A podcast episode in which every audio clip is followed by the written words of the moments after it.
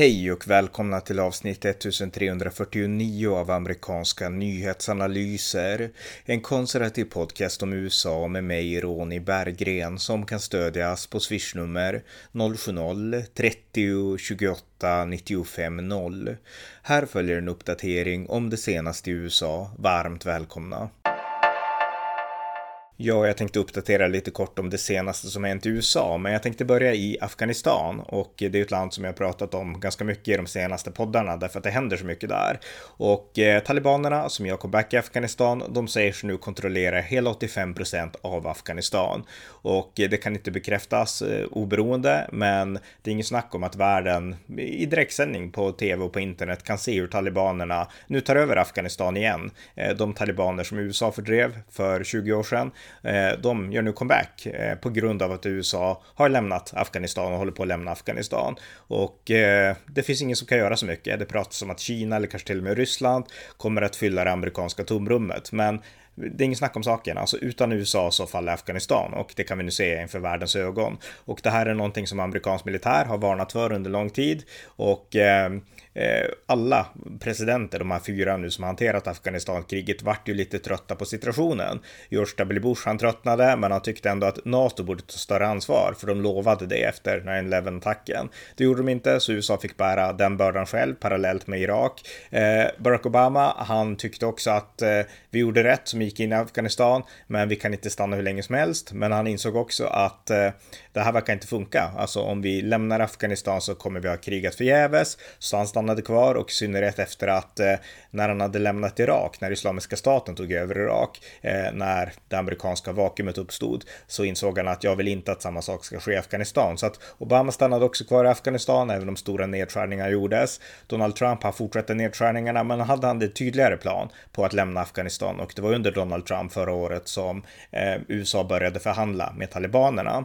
Och det gick inte. Talibanerna har svikit sina löften och eh, eh det var helt förväntat att de skulle göra det. Så det initierades under Donald Trump där. Men Joe Biden, han har slagit på ännu hårdare och har sagt att jag vill, nu måste vi avsluta eh, kriget i Afghanistan, USAs längsta krig. Vi kan inte stanna här i, i tid och evighet. Vi har varit här i 20 år, amerikaner är less. Så att Joe Biden har slagit ner klubban här.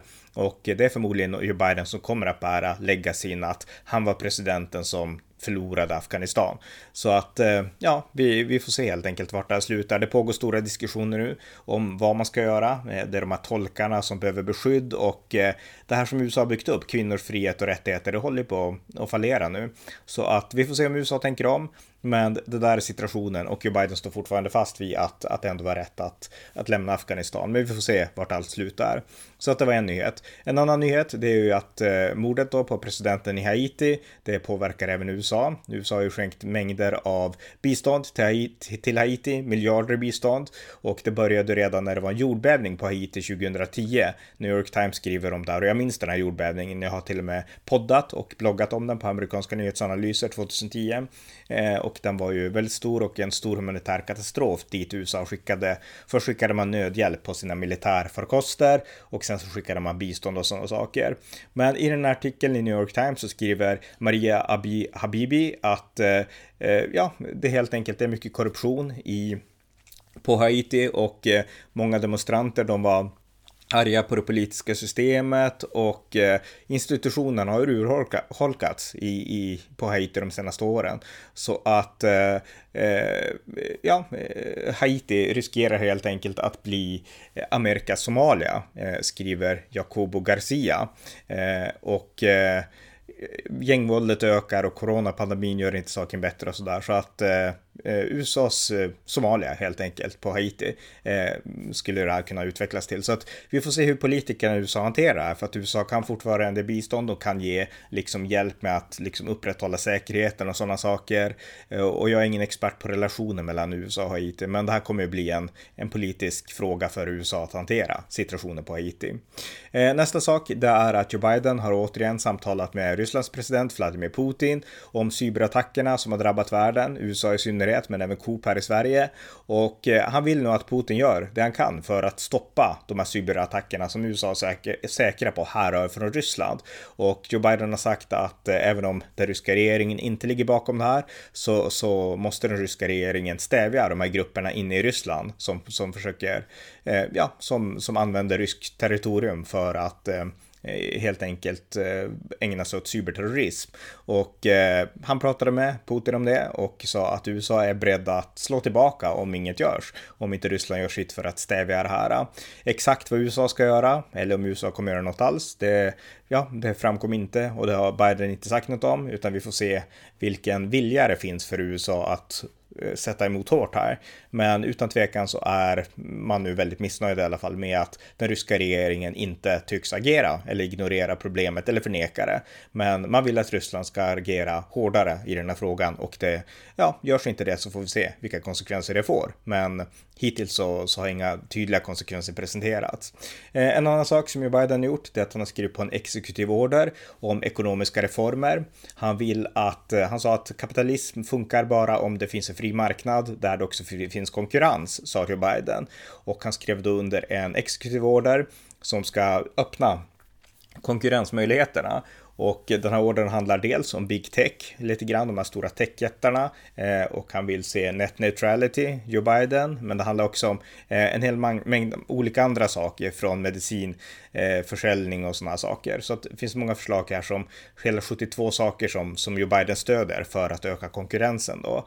Och Big Tech i synnerhet är intressant därför att här finns det en likhet då mellan Joe Biden och eh, republikanerna och mellan demokraterna och republikanerna. De är, ofta, de är oftast oense, men Joe Biden sa under sin presidentkampanj att han var beredd att kanske bryta upp de här Big Tech-jättarna, Amazon, Google, Apple och så vidare, Facebook. Och eh, republikanerna är ju helt inne på samma spår. De har ju Donald Trump som eldar på samma sak som nu har stämt Facebook, eh, Google och Twitter. Så att eh, republikanerna och många demokrater står på samma sida och en eh, kongressman, eh, en demokratisk kongressman som heter David eh, Cicilline. Han har infört ett förslag i representanthuset som syftar till att kunna möjligtvis bryta upp techjättarna i en slags antitrust bill. Och man menar då att de här förstör för småföretag. De köper upp småföretag som skulle, om de här småföretagen hade fått växa själva, bli potentiella konkurrenter. Och de här big tech-jättarna kör över dem genom att köpa upp dem tidigt tidigt och på så vis slå ut all potentiell konkurrens. Och det betraktar man som problematiskt. Ehm, de här techjättarna, de har förnekat det här och säger att ehm, att den här, det här lagförslaget då, det skulle kunna förhindra liksom dem från att ge service till mindre företag som behöver Facebook för att marknadsföra sig och sådana saker. Så att eh, techjättarna är kritiska såklart till, till att den här kritiken riktas från Kapitolium, men nu också även från Vita huset. Så att vi får se vart det här slutar också. Eh, och det intressanta är ändå att Joe Biden, som är mer kritisk till Big Tech än vad Obama var, han står lite i viss mån ändå på samma sida som Donald Trump i den här frågan. Det är ändå rätt ironiskt, men, men så är fallet i alla fall fall. Sen vart det slutar och liksom vad det här kommer leda till och om det kommer bli en slags partipolitisk strid om det här också mellan demokrater och republikaner. Det får vi se, men just nu så verkar ändå båda partier vara hyfsat på samma sida i förhållande till Big Tech och det var inte alltid så. Backar vi ett år och två, då kan vi minnas att eh, demokraterna tyckte, de var arga på Big Tech, demokraterna i representanthuset, för att Big Tech inte eh, censurerade konservativt så kallat hate speech. De tyckte att Facebook skulle censurera Trump, de tyckte att Facebook skulle censurera massa konservativa röster. Och till en början så höll både Facebook och Twitter stånd. Eh, och sen gjorde man det inte längre. Och vems fel var det? Föll man för Demokraternas påtryckningar? Eller tyckte man bara att nu börjar Trump bete sig illa? Det kan vi diskutera. Men de fick den, den, de påpressningarna från Demokraternas håll och Republikanerna pressade från precis motsatt håll. Att ni censurerar alldeles för många konservativa och vi ska bryta upp er av den anledningen. Så att de här big tech-jättarna har fått känna liksom eh, de politiska slagen från båda hållen och ingen part har varit nöjd. Så att nu får vi se egentligen om det finns liksom ändå en, även om den här kritiken har kommit från två helt olika håll eh, på Kapitolium, om det ändå finns någon slags gemensam grund ändå från båda båda partier att kunna stävja big tech på något sätt. Det återstår också att se. Så vi får se vart det landar.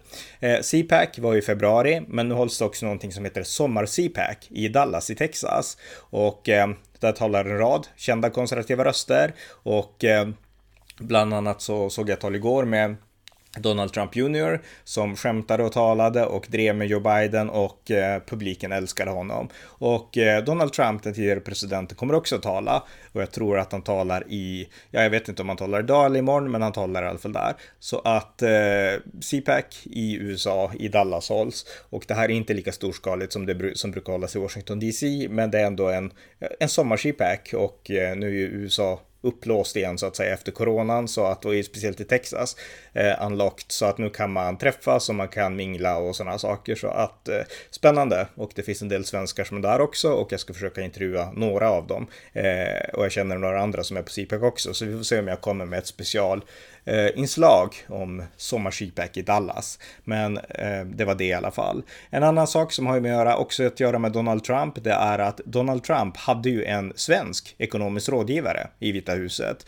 som heter Thomas J. Philipson och han har bott i USA i typ 40 års tid och eh, han uppdagades, upptäcktes kan man säga. Jag tror att det var av SVT att, att, svensk hade, eller att Trump hade en svensk rådgivare för, om det var förra året eller någonting, då vart han intervjuad på SVT i alla fall.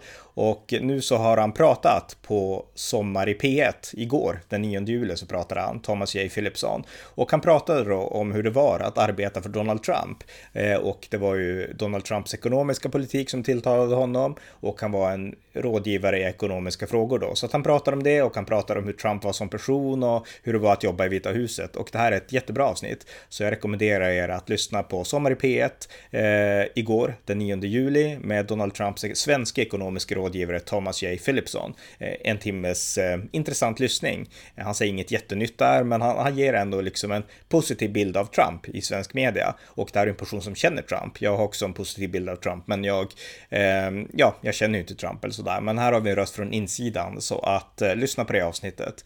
Eh, så att det var några av de senaste sakerna som hänt i USA och eh, jag återkommer med fler uppdateringar i dagarna framöver. Det var avsnitt 1349 av amerikanska nyhetsanalyser. En konservativ podcast om amerikansk politik som kan stödjas på swishnummer 070-30 28 95 0 eller via hemsidan på Paypal, Patreon eller bankkonto.